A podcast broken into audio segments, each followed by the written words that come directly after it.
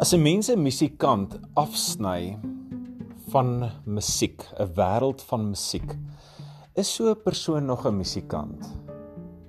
As 'n mens 'n kunstenaar afsny of wegvat van 'n bord om op te teken of 'n stuk klei om te vorm met sy hande, is daardie persoon wat nie meer kreatief kan wees dan nog werklik 'n kunstenaar?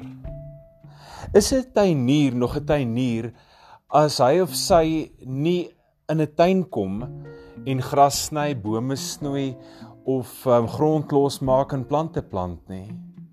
Is 'n Christen werklike Christen as daardie persoon nie meer in kontak is met Christus nie?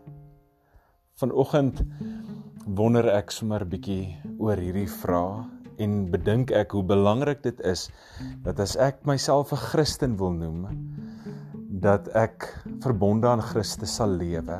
Met sy woorde met sy woord met die Bybel sal besig bly.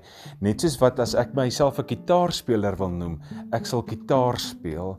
As ek myself 'n fliekhebber noem ek sal bly flieks kyk as ek lief is vir musiek ek musiek sal aansit en luister. Ek kan myself nie 'n Christen noem en 'n lewe los van Christus lewe nie.